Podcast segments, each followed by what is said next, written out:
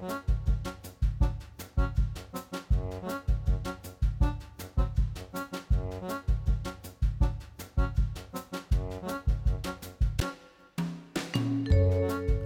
og sæl og velkomin í mannlega þáttin.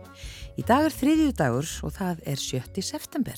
Já, og við rifjum upp sögu þessa dags. Það er 7. september, förum aftur til ársins 1242. Þórður Kakali Sigvardsson snýri heim til Íslands frá Noregi.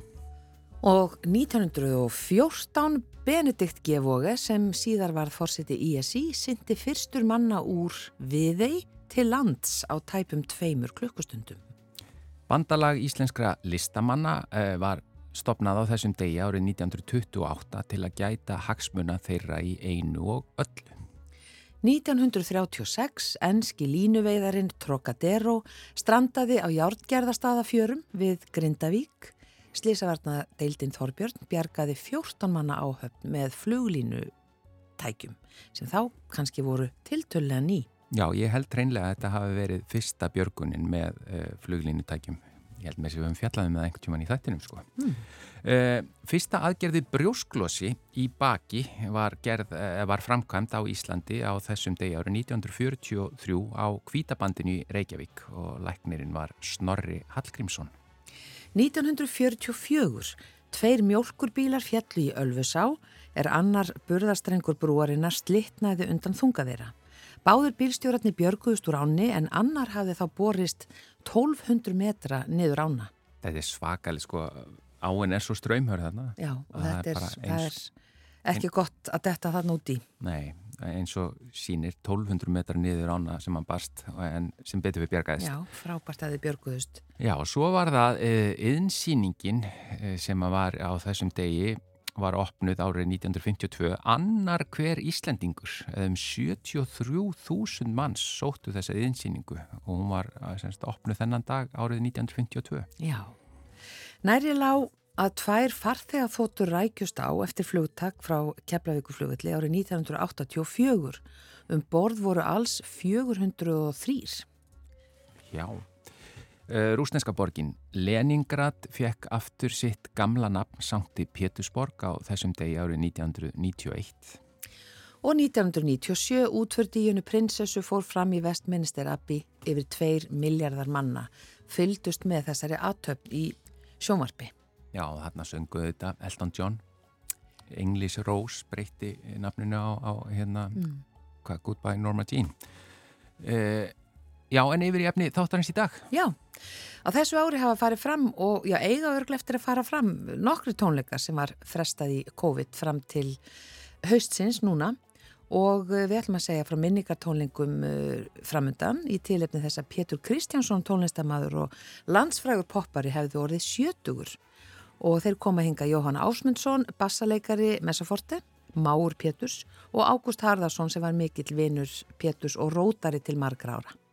Já, uh, við ætlum að á næstu dögum að heyra því hvað komandi vetur ber í skauti sér í leikúsónum við ætlum að fá til okkar forsvarsfólk helstu leikúsona í, í spjall. Og við ætlum að byrja á þjóðleikúsun í dag. En Magnús Geir Þórðarsson er leikústjóri þar, hann verður hjá okkur hér á eftir og við ætlum að heyra hvað er á dagskráni og hvernig stemningin er í þjóðleikúsunu.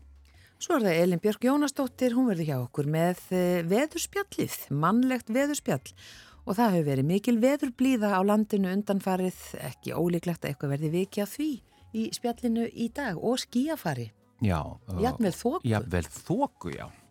En við byrjum auðvitað á tónlist og það sem við erum að fara að, að minnast Petus Kristjánssonar, þá heyrum við hér lægið Jenny Darling með Pelikan.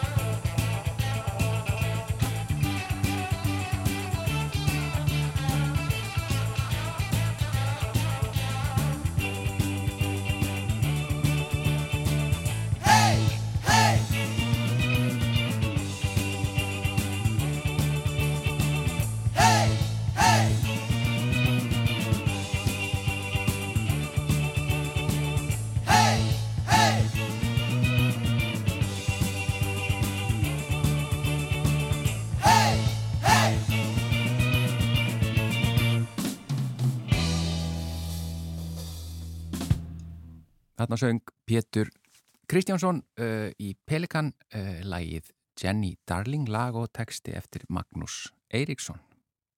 Á þessu ári hafa farið fram og eiga eftir að fara fram tónleika sem fresta var í COVID fram til haustsins og já, þetta eru nokkri tónleikar og núna í lok september, þar að segja 30. september og 1. oktober fara fram minningartónleikar í tilefni þess að Pétur Kristjánsson, tónlistamæður og landsfrægur poppari hefði orðið sjötugur. Og þeir eru sestir hérna hjá okkur, Jóhann Ásmundsson, eh, passalegari Jú. og eh, Máur Péturs Já. og Ágúst Harðarsson sem var mikill vinur Péturs og rótari til margra ára. Velkomnir báði tveir. Takk fyrir. Gaman að fá okkur í manlega þáttin. Mm -hmm. Og eh, bara ef við kannski byrjum, eh, eins og ég sagði, þú Máur Péturs en þú Ágúst svona þín kynni af Pétri? Já, þau byrjuði náttúrulega að snemma þegar maður var að fara í tónabæi og hann var í pops og svona. Þannig að maður var svona 13-14 sko. En svo bara var maður svona einhvern veginn allir með að reyna að stopna hljómsveit og vera frægir á þessum árum sko.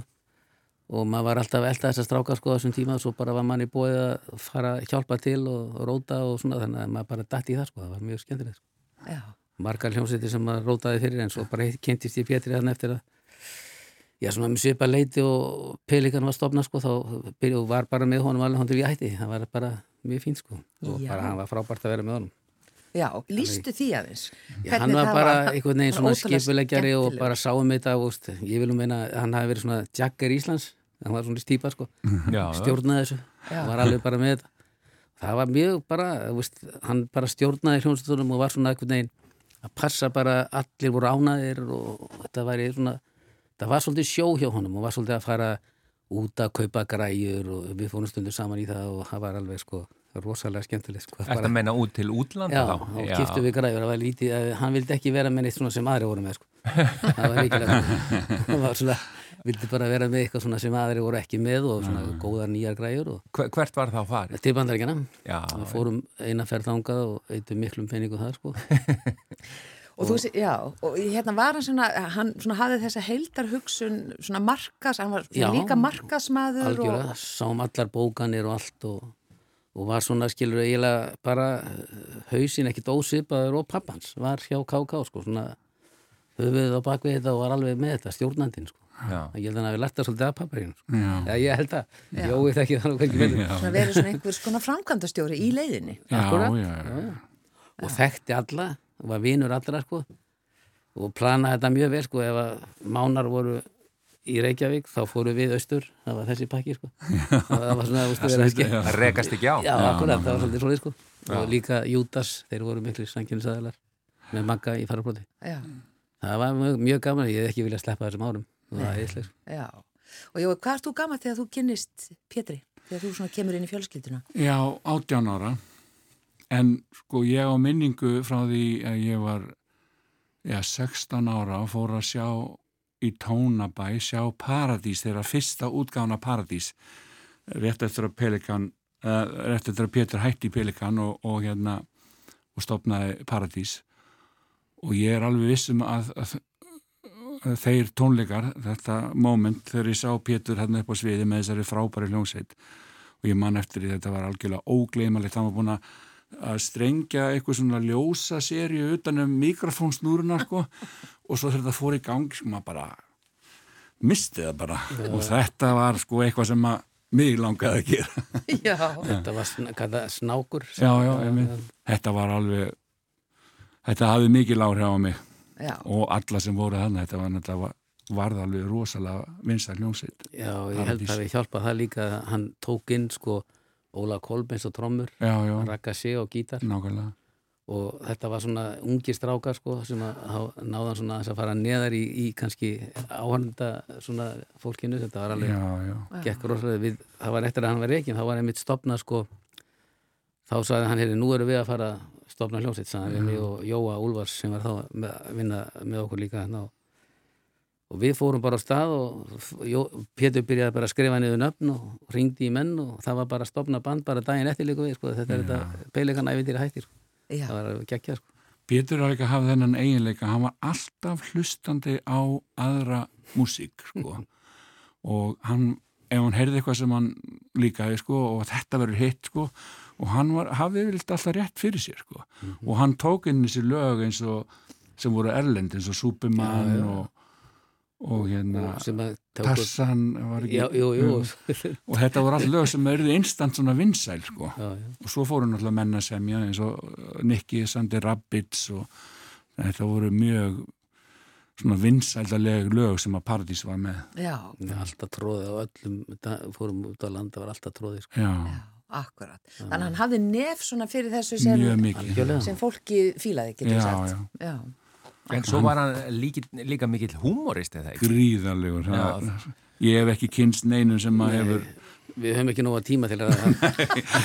Nei, hann hafði svo einstakann húmor, hann sá alltaf svo speigilega hluti og öllum og gaf því nafn og þetta var alveg, það, eins, og, eins og Gusti segi, það er að tala um það endalust. Algjörlega. En það líka, sko, núna 3. september, þá er liðin átjan ár frá því hann kvart okkur og, og ég get ég hef, veist, mér finnst hann bara ekkit vera farin sko. ég hef fór allt of ungur sko.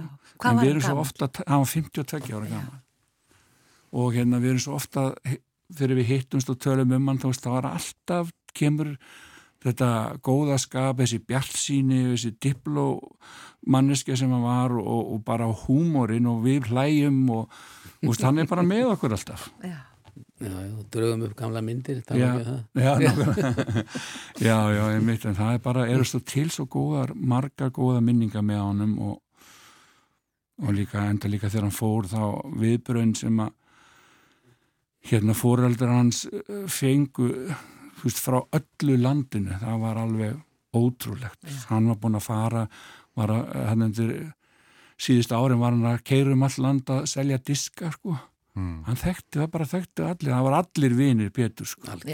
og hann talaði við alla. Og hann var svo mikill sölumæður. Já, hann, var, hann hafið það líka. Ástriðufullur og reyf fólk með sér. Algjörlega. En svona sem rótari, að að þú, þú kannski, svona, kannski þekkir hliðina á bakvið sviðið. Já, okkur að eh, mm.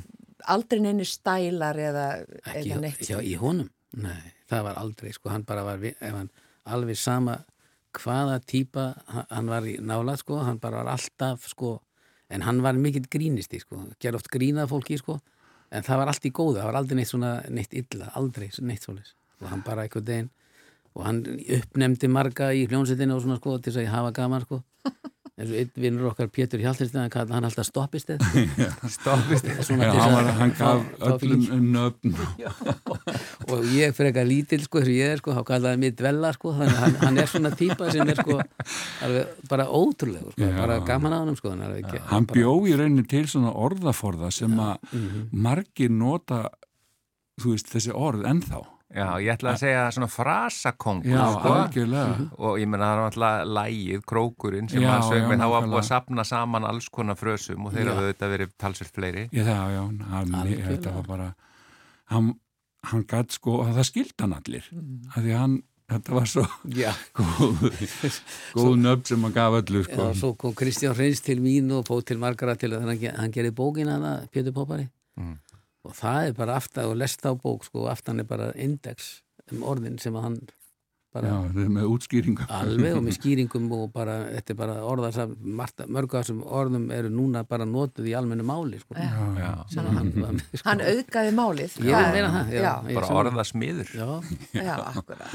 Mikið umúristi. En svona fyrir utan uh, tónlistina, já, áttan einhver áhuga málið, eitthvað svona sem svona svona átti hugans fyrir já, utan tónlist Já, hann var frammar, eða ekki? Frammar, já, og, og spilaði hérna, með frammíkala það Já, við fórum ofta að veiða saman og, en hann, hans aðal áhuga mál var það að hlusta á músík og svo var hann fann að panta, þú veist, hann vann alltaf hjá steinum í, í mörg ár og þar var hann að panta inn músík og svona og hann hafði rosalega gaman að því og svona spá og spekulera með, með tónlist og, og svo þegar hann var farin að reka sína eigin vestlun og ferðast með hann um all land sko, þá var hann farin að panta fyrir sko kunnana út á landi og, já, og svo þeir mættu, já ég er akkurat með fyrir þig.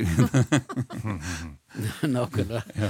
Svona tók þess að gömlu svona diska með Kings og sapna svona gömlum Trogs og svona var að flytja þetta inn svona þessi gömlu Já, já Svo var hérna Richard Klætumenn, hann, hann, hann pantaði mikið inn að þeir og var svona Klætumenn æði og hann kallaði hann Kláðamörinn. hann bara var, það var gaman, hann var bara vinu vina sína, frábær. Já, já. já frábær, frábær maður og, og eins og þið segið, sást saknað.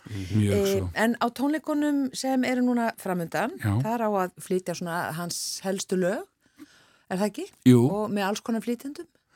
Já, já, það sko uppröðulega planin var að vera með tónleikana á ammalisdeginum hans Janúar. og vera bara með svona parti í hans stíl sko, veistlu og og hérna og það var setnum saman þá sem vildi vera með og það var aðeins hérna dottið úr þeim hópi sko en, en núna mæta sko Uh, ég hefði að sé 16 sem að 16-17 mann sem að hérna voru að spila með hann sko. alveg frá Pops uh, Óttar Fél og, og hérna Startararnir Já, Óli Sig sem var trommuleikari í Pops og Sævar Árnarsson var gítarleikari og bara og, og svona það mæta náttúrulega ekki allir úr öllum ljósitum sko en við setjum sama þannig við gerum svona tímaröð og, og flytjum öll þessi vinstalistu lög og og start náttúrulega með setna mæri þetta náttúrulega var vinsalasta, varð vinsalasta lagið og var ennþá mikið spilað Já, mm -hmm. akkurat mm.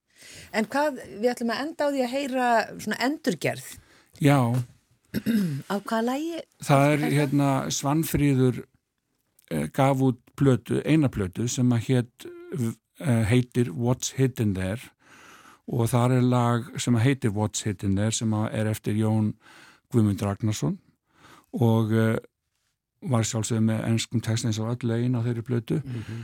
og mér langaði að gera endurgerð af þessu lagi og ég fekk Írisi Guðmistóttur vinkonu mín ásöngunu til að hérna, íslenska þennan texta.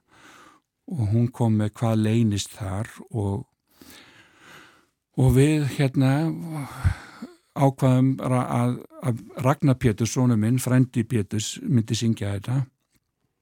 Og uh, ég fekk leifi hjá Jóni og, og uh, já bara skellti mig í eitt lag svona til þess að íta undir þessa tónleika og, og svona halda að þetta er eitt, eitt flottasta lagi sem Pétur og passaði honum rosalega vel sko honum mm -hmm. Pétri yeah. og hérna og hann svengða vel og uh, já, okkur langaði, eða mig langaði bara til að svona íta undir þessa tónleika og minningu Péturs með því að gera svona endur gerð á þessu. Já Ekki spurning, við heyrum þetta hér en minnum á tónleikana í Bæjarbíói 30. september og 1. oktober. Bara kæra þakki fyrir koman Jóhann Ásmundsson og Ágúst Harðarsson. Takk, Takk sem leiðis.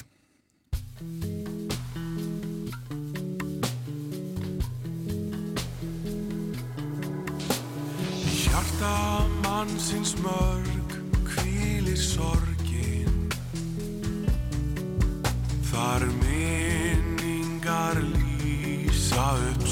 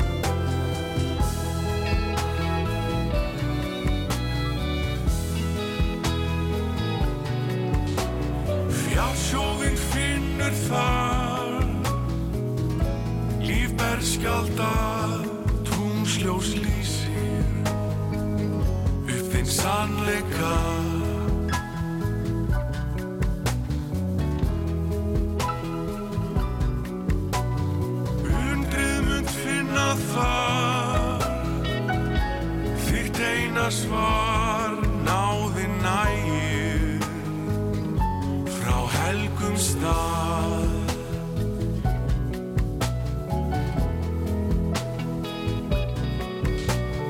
Hjarta mannsins mörg hvílir sorgin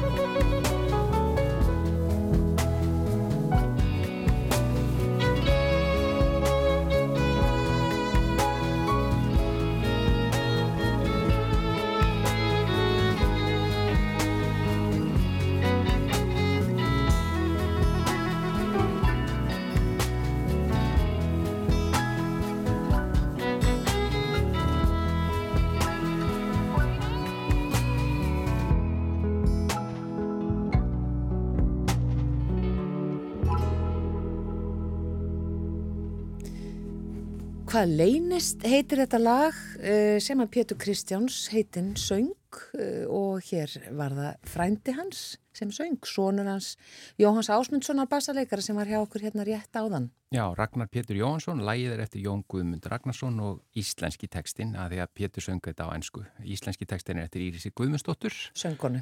Já, Já. Og, og við bendum á að hann, eh, Ágúst, hefur týnt saman mjög mikið af skemmtilegum myndum og myndböndum og heimildum og gögnum um Pétur uh, og er með einn á Facebook síðu sem að hægt er að finna bara eða sleiðin Pétur Tvöfaldvaf Kristjánsson og það er mjög heilmikið af skemmtilegu efni. Alls konar myndbönd og myndir og, og sögur. Já, en uh, núna á næstunni ætlum við að kynna okkur aðeins hvað komandi vetur ber í skauti sér í leikúsunum og hingaði komin Magnús Geir Þórðarsson, uh, leikústjóri í þjóðleikúsunu, velkomin. Velkomin. Takk fyrir, kærlega.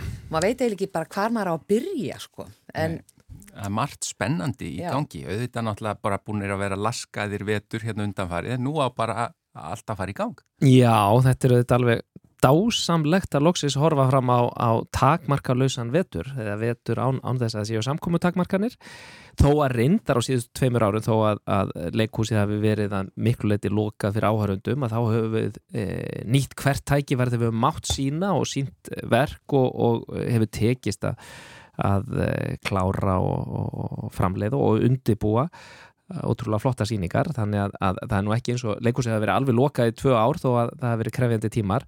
En hins vegar núna í fyrsta skipti erum við að kynna leikár það sem við höfum tilfinningu fyrir því að það verði bara allt opið í allan vettur og, e, og það sem er kannski óvanlegt líka er að við höfum fengið afskapilega góðan e, tíma til að undibúa og, og, og hlaða byssurnar og það er eins og þú nefnir hverjum gríðarlega fjölbreytt og þjætt dagskrá í leikúsin í allan vettur e, nýjar frumsýningar hver annari meira spennandi og svo velunasýningar frá fyrir árum. Þannig að það er alveg stútfull dagskrá af, af spennandi og metnaðafullu verkefni sem við hlökkum óskaplega til að mæta áhörundu með. Já, og örgulega margi spendi leikara sem hafa verið að æfa kannski svona með hljöfum verk sem, sem átti að frum sína. Algjörlega og, og, og, og maður finnur það sko bæðin í starfsmánahóknum að það er, bara, það er svo mikil gleði og tillökun og þakklæti fyrir að fá að, að, að gera þetta og mæta, mæta áhörundum og sömulegist þá fundum við það í vor þegar leikósi opnaði aftur að það var enn magnaðri stemninga venjulega að, að sitja í salnum áhörundum að því það var eitthvað svona djúft þakklæti fyrir að fá að sitja saman og upplifa saman. Mm. Við erum bara búin að upplifa mm. það að þetta var ekki sjálfsagt. Nákvæmlega. Já, þannig að við njótuðum sér vel enn betur og það er bara stutt í fyrstu frumsýningu. Já, við, það er allt á fullu og við frumsýnum uh, aðra af tveimur stórsýningu vetræðins uh, eh, núna í lok næstu viku, 16. september og það er söngleikurinn sem á himni og, og hér eru við að að eh, frumflytja þetta verk á Íslandi. Þetta er söngleiku sem var frumsýttu fyrir fjórum árum í, í Svíþjóð og hefur farið sigur för uh, síðan, sló rækil í gegn og er að fara út um allan heim. Uh, þetta er dásamlega falleg og áhrifarík saga með unasleiri tónlist og, og við erum með 13 manna hljómsveit í Grifju, þannig langt sér að það hefur verið í leikúsunum, svona alvöru stór hljómsveit og uh, þetta er saga sem að ætti að snerta alla sem að hafa hjarta. Og þetta byggir á, á kvikmynd sem að vann Óskarsvælum fyrir svona 20 árum eða svo. Hétt uh, á sænsku Svo som í himmelen eða As in Heaven og sem við þekkja það. En þetta er, er hérna síning sem við finnum að er mikill spenningu fyrir og, og, og það er að tróðfullast á alla síningar þarna er hún unnur ösp við uh, stjórn, stjórnborðið en síðasta síning hann var Vertu Ulfur sem að, að er nú að verða komin í hundra síningar en er enn í síningu e, grímu velunarsíningin og svo er þannig innvala lið í öllum hlutverkum. Við erum með e, Sölku Sól og Elmar Gilbert, Katrína Haltoru Góa, Hinrik Ólás, Völu Guðuna og 25 aðra, aðra leikar og söngvara. Þannig að þetta mun held ég e, ilja mörgum við hjartarætur og skemta á næstu mánuðum. Já E, þetta er það fyrsta og svo e, er nú bara stutt í næstu frumsýningu sem er nýtt íslenskt verk sem heitir Nokkur augnablikum nótt og er eftir Adolf Smára í leikstjórn Ólafs Eils, Eilssonar og þetta er alveg e, regalega flott nýtt íslenskt verk sem er svona rifið beint úr íslensku samtíma. Og við fylgjumst með tveimur sistrum og eiginmanni annarar og kærasta hin, hinnar. Eina sömar nótt það sem að, að, við kynnum, kynnumst þeim og þeirra forsögu og, og ólíkum viðhorfum til lífsins og, og lífsins á Íslandi í dag. E, afskapla ferst og, og flott, flott verk í meðförum fjóra frábæra leikara Svo er áhugaverður þríleikur. Já, það er einn eh, stór viðbyrðu sem við kynntum á dögunum sem er heimsfrumsýning á þríleika eftir Marius von Mayenburg en hann er, hefur verið eitt e, mest leikna leikskált heims síðustu 20 ár. Og við vorum svo heppin að ná að, að semja um heimsfrumsýningu á ekki bara einu verki eftir hann heldur e, þrjú verk sem verða frumsýnd hérna hjá okkur. Það fyrst um jólin og svo koma hinn tvö síðar á næsta ári og þetta eru verk sem eru alveg sjálfstæð þetta er ekki eins og framhaldsverk eða neitt þess aftar en, en þau svona kalla svolítið á mm. og sumir hafa líkt þessu við kvikmyndirnar blár kvítur rauður já, sem við þekkjum, alveg já. sjálfstætt eh, verk hvert um sig en þetta eru alveg eitur snjöllverk sem rík halda, þetta er svona sálfræði trillar Savaríkt Savaríkt og, og maður situr á, á sætisbrúnni alveg frá upphafi til enda og uh, það er hann Bendit Andrew sem er nú uh, alveg uh, stórkostlegu leikstjóri og eftir sóttur um allan heim sem mun leikstýra fyrir tveim verkonum og svo mun hann Marius Mayenburg sjálfu leikstýra þriðja verkinu og þannig erum við líka með þungavitt að leikara í, í hérna forgrunni og, og, og dugar ekkert minna, þetta eru krefjandi rullur og og verður ótrúlega gaman að bæði fá að frumsýna, heimsfrumsýna verk af þessari stærðagráðu sem hefur aldrei gæst áður á Íslandi. Nei, ég ætla að mynda að spyrja um það. Þetta er svo mjög þetta, óvinnilegt Já, og, og við finnum mikinn áhuga frá bara heimspressunni að segja frá þessu verkum að þau munu líta dagsins ljós hér og, og svo vera sínt út um allan heim. Mm. Og svo er þetta líka bara svolítið skemmtilegt að, að vinna með þetta konsept með svona þríleik sko. Já En eins og segir þær er ekki beinlinist tengdar það, það þarf ekki að sjá allar þrjár. Nei, nei, nei, Já. Eh, alls ekki sko. En, en ég ger nú ráð fyrir að þegar fólk verður búið að sjá eitt verk að þá hafi það kannski áhuga á að sjá annað. En, en e, fólk getur bara val, valið sér eina síningu og, og, og það eru þetta ólík umfjörlunefni þó þau kallist á Þannig að við erum gríðarlega spennt fyrir þessu og þetta kannski endur spekla líka svolítið þá áherslu sem, er, eh, sem við höfum eh, verið að vinna núna síðustu tvö ár og það er að ebla tengslokka við erlend leikúsfólk sem að fremst stendur mm. og teljum að það sé, sé gjöfult fyrir Íslands leikúslíf og þetta okkar áhörfundur. Þannig að svo er Shakespeare? Já, við erum með glænýja uh, útgáfu af uh, leikriti Shakespeare As You Like It sem heitir Hvað sem þið viljið. Já. og þar teflum við fram okkar fremstu gamalegurum og það verður mikil tónlist í verkinu og, og þetta er svona leikandi létt í kassanum, við höfum síðan margar Shakespeare síningar á síðustu árum sem eru stórar og miklar á stóru sviðunum. En þarna verður það list leikarans og nándin sem að mun njóta sín og sprúðlandi Grín og Sprell og, og þarna er Katrín Haldóra, Gói, Siggi Sigurjóns, Hallgrimur Ólafs eh, Kristjana Stefáns Ný þýðing eða ekki, Karl Ágúst? Ný þýðing, Karls Ágúst og Ágústa Skúladóttir leikstýrir. Já. og uh, þetta mun held ég leta og kæta og, og, og þetta er auðvitað romantíkin allsráðandi þessum kynjaskói Shakespeare sem við upplifum þarna Svo er Gunni Helga, draumaþjóðurinn. Já, það er, er, er, er reysa uppsetning af einni vinsalstu barnabók síðustu ára. Mm. Gunnar Helgason þar vart að kynna, hann er e, gríðarlega vinsal meðal yngri kynsluðarinnar og skrifar þarna alveg ótrúlega sterk og áhrifaríka sögu, mjög svona episka stóra sögu e, sem að er, gerist í ævintýra heimi nokkus konar en það hefur verið að taka á ymsum málefnum Eh, sem eru ofalega á baui þessi, eh, þessi árin umhverfis, umhverfismál, flóta menn og, og svo framvegis. Yeah. en við erum að setja þetta upp í risastóri og æventýralegri uppsetningu. Stefán Jónsson stýrir Þorvaldur Bjarnir að semja nýja tónlist við erum með Lý Prátt sem er danshöfundur og þannig að það er öllu tjálta til þannig að þetta verður svona fjölskyldu söngleikur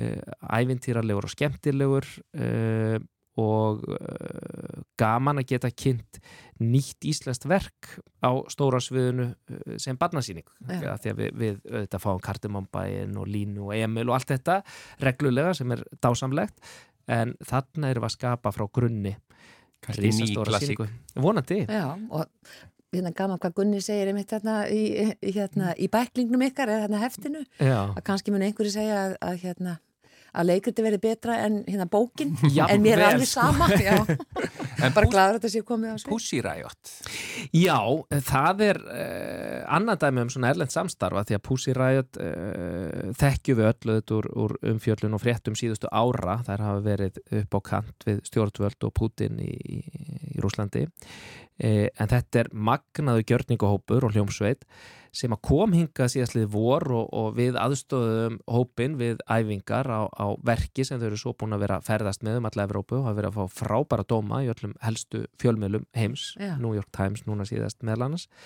og það er alltaf að koma og flytja þetta verk í, í þjóðleikúsinu í november og ótrúlega gaman að, að fá þennan kraftmikla hóp sem að Ragnar Kjartarsson sagði nú að væri hérna sennilega stæsti listviðburðu 2001. aldarinnar og hann þekki svolítið til Já, hrætt Eh, Lára og Ljónsi, að því við vorum að tala um börnin hérna, Já. þetta hafi verið ég vinsalega barnabækur hjá eh, eftir hann að Birgittu Haugdal Já, þetta eru, eru gríðlega vinsala bækur og við, við frumsýtu þetta verk í fyrra, Lára og Já. Ljónsi jólasaga, þetta var gert í aðdraðanda jóla Mm. og það var ekki að sögum að spyrja, það seldist upp á 50 sýningar á held í viku eða eitthvað svo leis og við náðum að sína svona 35 eða 40 af þeim áður en að samkomubann skalla á að nýju. Þannig að hérna, við förum að stað aftur og við vitum að, að unga fólki mun elska þetta.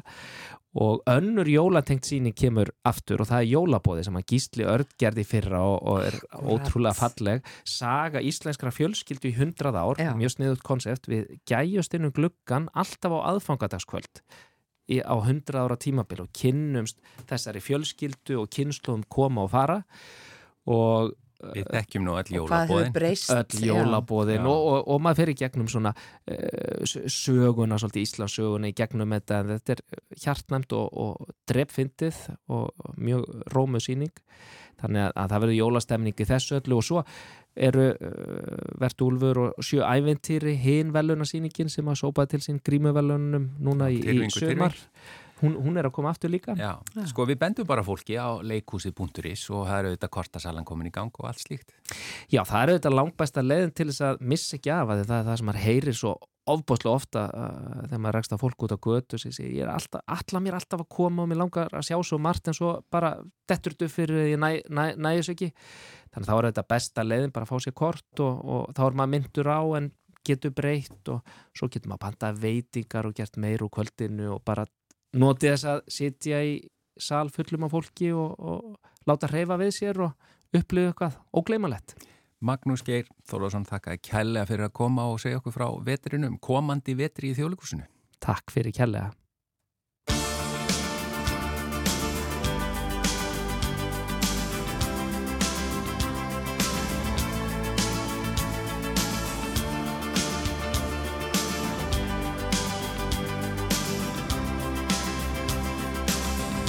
De kom flyvende med storken forladte sted. Fra alle fire verdens hjørner Hvis vi tager det hele med. Og nu er de blevet voksne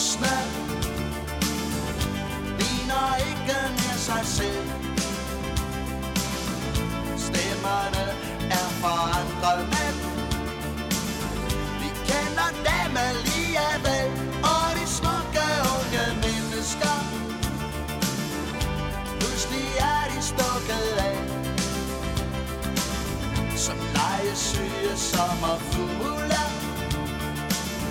Den allerførste sommerdag Hvad det er de vil med livet. Det kan kun de selv forstå. Og de smukke unge mennesker. Det de lægge livet må. Der var nogen som blev til. Andre måtte nøjes med Digitale vuggestuer Og tilfældig kærlighed Og de slutter før man ved det. Pludselig er de stukket af. Som lejesyge sommerfugle Den allerførste sommerdag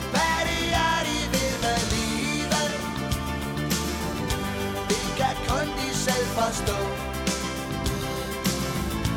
Og de smukke unge mennesker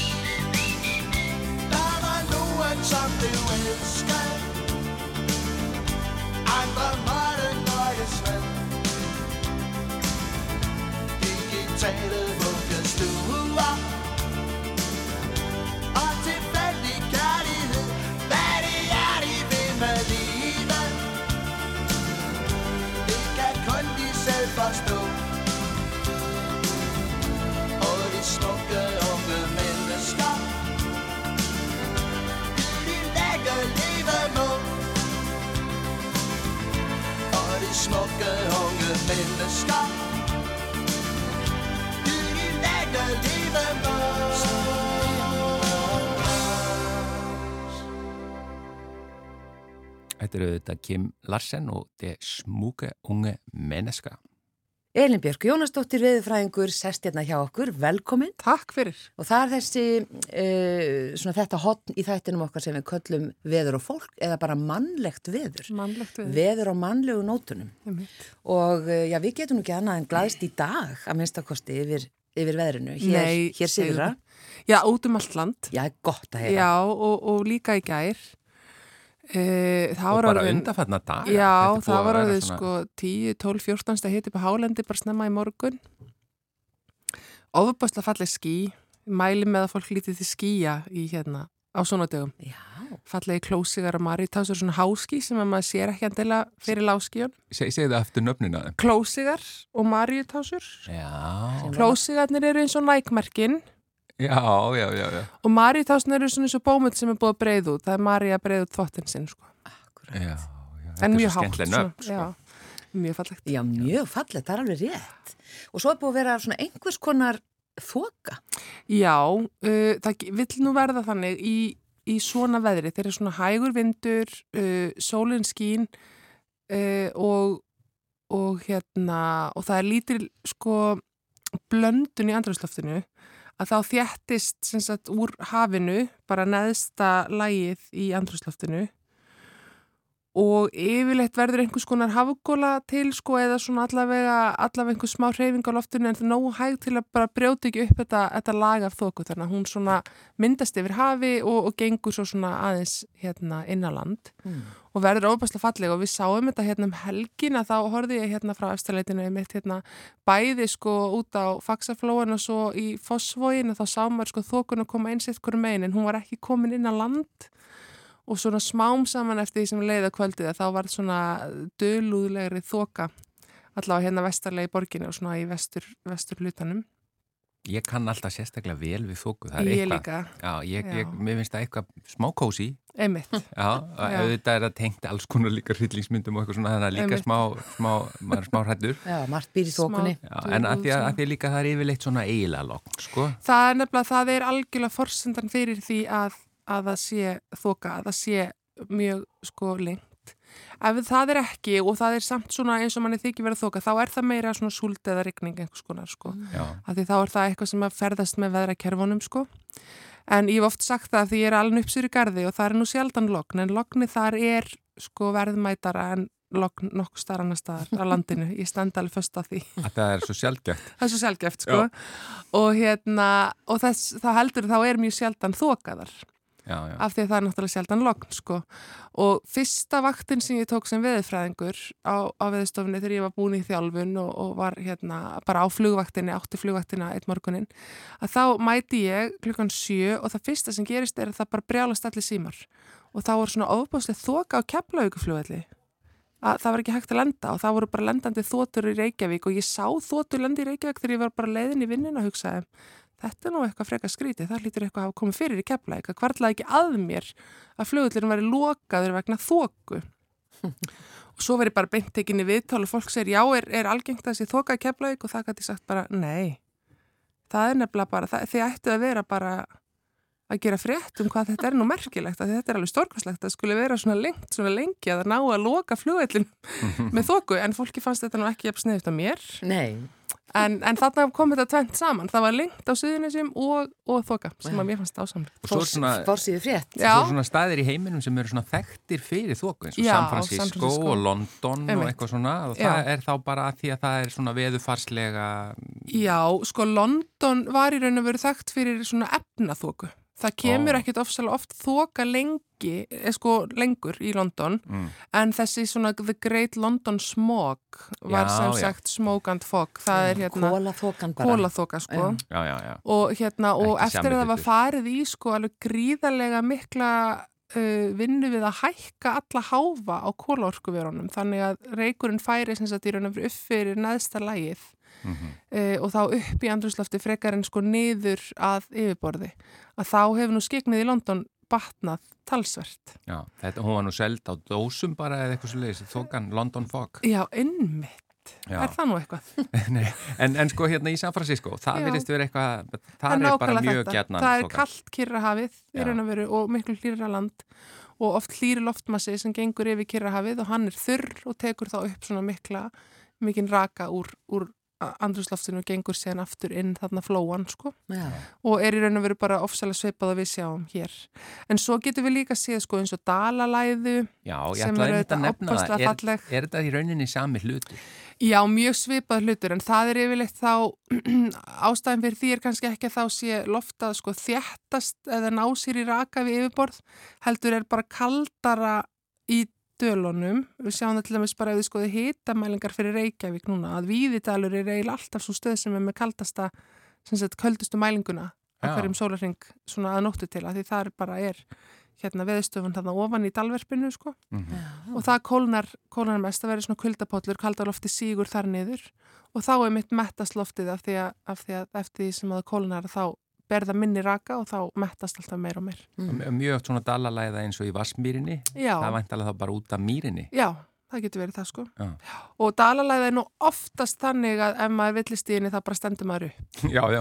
Er, er já, svona alla jafna. fer látt. Já, já. En uh, hérna, já, þegar þú myndist á San Francisco og Mm. London, þegar bara þú sjálf fer til útlanda, hefur jætt mikinn áhuga á veðrinu þar eða veðurfari bara eins og hér heima því að já. það er nú svona, að, svona aðeins hægari veðurbreytingar annar staðar en Já, hér. sumstaðar sko. Ég taldi mig til dæmis ofbærslega hefna, ég fótti spánar aðeins í sumar í, í hérna, semst var í ferðalagi í Portugal og ákvaðum að elda Queen og Adam Lambert til, til Madrid í tvo Já, daga. Bara eins og maður gerir. eins og maður gerir og hérna og þar sko lendi við, eða sem sagt tókum lest og, og förum út úr lestin í Madrid og það kom 30, var komin 37 stegi hitti sem er náttúrulega algjörlega snargalið og ekki fyrir nokkurt mann að vera í, finnst mér eh, en daginn eftir þá nefnilega kom þetta rosalega fína þrjumu veður þá fannst mér ég nú mjög heppin Er, er það spennandi það er fyrir veðurfrængin? sko. Sinni mínir voru ekki alveg svona þegar við vorum búin að standa í sama strætóskilin í 20 mínútur í úrhellisrygningu og hlustuðum á þrjumunnar þá voru þeir ekki alveg sammála mér um þetta væri svona aðeinslegt Mhm. en, en mér fannst það og ég taldi mig mjög hefna og mér finnst mjög gaman ég horfi oft til skýja sko, til heiminsóra að horfa eftir því sko, hvernig, hvernig skýja fari hér af því það er sennilega öðruvísin annar staðar og hérna, af því ég var nú með þessa skýjapistla í sumar, að fyrsta pistilinn tóku við upp, þá var ég nefnilega í ferðalagi mitt á, hérna, í Portugal uh, við Suðuströnd Portugal og þar einmitt er alltaf þoka á nóttunni. Og, og svo bara bráðunar hún mjög hratt að því að sólinn er heit sko háttalofti og bráðunar mjög hratt á mótana. En, en ég mitt rætti það hann í fyrsta þættinum að, að væri, ég væri í raun að veru bara að horfa á sólina hitta upp andrúsloftið og, og bræða af sér þokuna sko. En eins og Guðrún sagði, þessi frasi með að, að hvað ve veðri breytist mm. -hmm. hratt hérna, þú veist, Já. að þið líkar ekki veðri, býtu bara í fimm Býtu bara minútur. fimm myndur, já. Já, en ég meina, er þetta raunin? Er, er einhverjar meiri og hraðari veðurbreytingar hér á Íslandi en annar staðar? Já, það er það nú, sko, það fer auðvitað eftir því hvar þeir ber niður og mér fannst pínu fyndið eða svona kannski krútlegt að þegar ég bjó í Oklahoma þá er þetta nefnilega líka við hvað er þar Já, ef þú, ef það finnst ekki verið skemmtilegt býtið fimm myndur og svo beigði ég sex vikur eftir því að þú veist, hitin hætti að vera 40 stig og, og glampandi sól yfir í að vera eitthvað annað.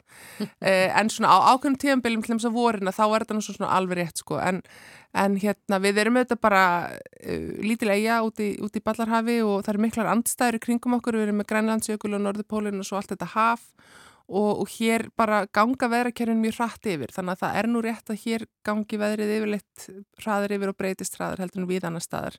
Að því að ef maður pröfar að vera til dæmis einhver starf við miðbaug eða og sérstaklega inn til landsins, það er oft bara sama veðrið svo mánuðum skiptir sko. Og jafnvel ekki einu svona árstíðir sko. Þannig að svona miða við það þá er veðrið hér mjög síbreytilegt þó það sé búið að reyndar vera núna eins í fjóra daga. Já, við höldum það áfram að nota eina frasa, sko. já, já. Já, ég held að sko við eigum fullan rétt á því, ég svona, er aðeins efins þarna með bandaríkjamennina í Oklahoma. Já, þetta er, þeir geta eiginlega ekki notað þessa setning. Já, valla. Og svo þetta sem er að gerast núna, þetta góða veður allt í einu já. og, og svona hlýja svona undir haustið. Einmitt. Eh, þetta er það sem er kallað á ennsku þegar ekki Indian Summer, þegar það verður svona óvenju hlýtt, Jú, við tölum um svona sumarauka. já, sumar auka. Já, uh, sko það er, það hefur komið fyrir uh, í sögunni frá uppæfi, semst frá þegar við fórum að mæla veður að, hæsti hitti sumarsins kom í september Nó. það hafa þá verið svona frekar tæ- tæp sumur sko en, og við náðum 25 gráðunum hérna í síðustu viku á Mánárbakka á tjörnisi þá hérna fór hitin í 25,00 gráður sko, við mælum með tveimur aukastöðum og það, bara, það verður ekki tæpari 25 stíðin sko. En hérna þannig að ég, mér finnst nú kannski ólíklegt að hérna við náum að sko, náum að hækka þann hámarksita Já, uh, í september. En ég hugsa að með við allavega hvernig þetta byrjar þá verður hann nú svona kannski jafn bestur. Já, það líst mér vel á að heyra. Hæðasvæði Þannig að sumarið er ekkert búið. Nei, alls ekki alls ekki. Góðar fréttir. Já. Takk fyrir að koma til okkar Elin Björk Jónastóttir, veðurfræðingur í Veðurspjalli. Takk fyrir mig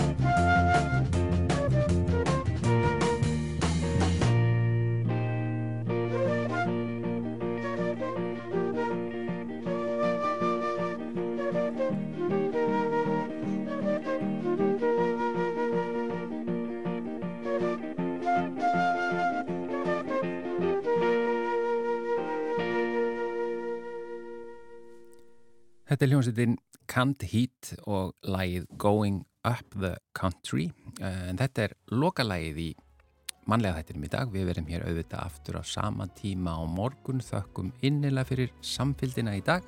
Verið sæl.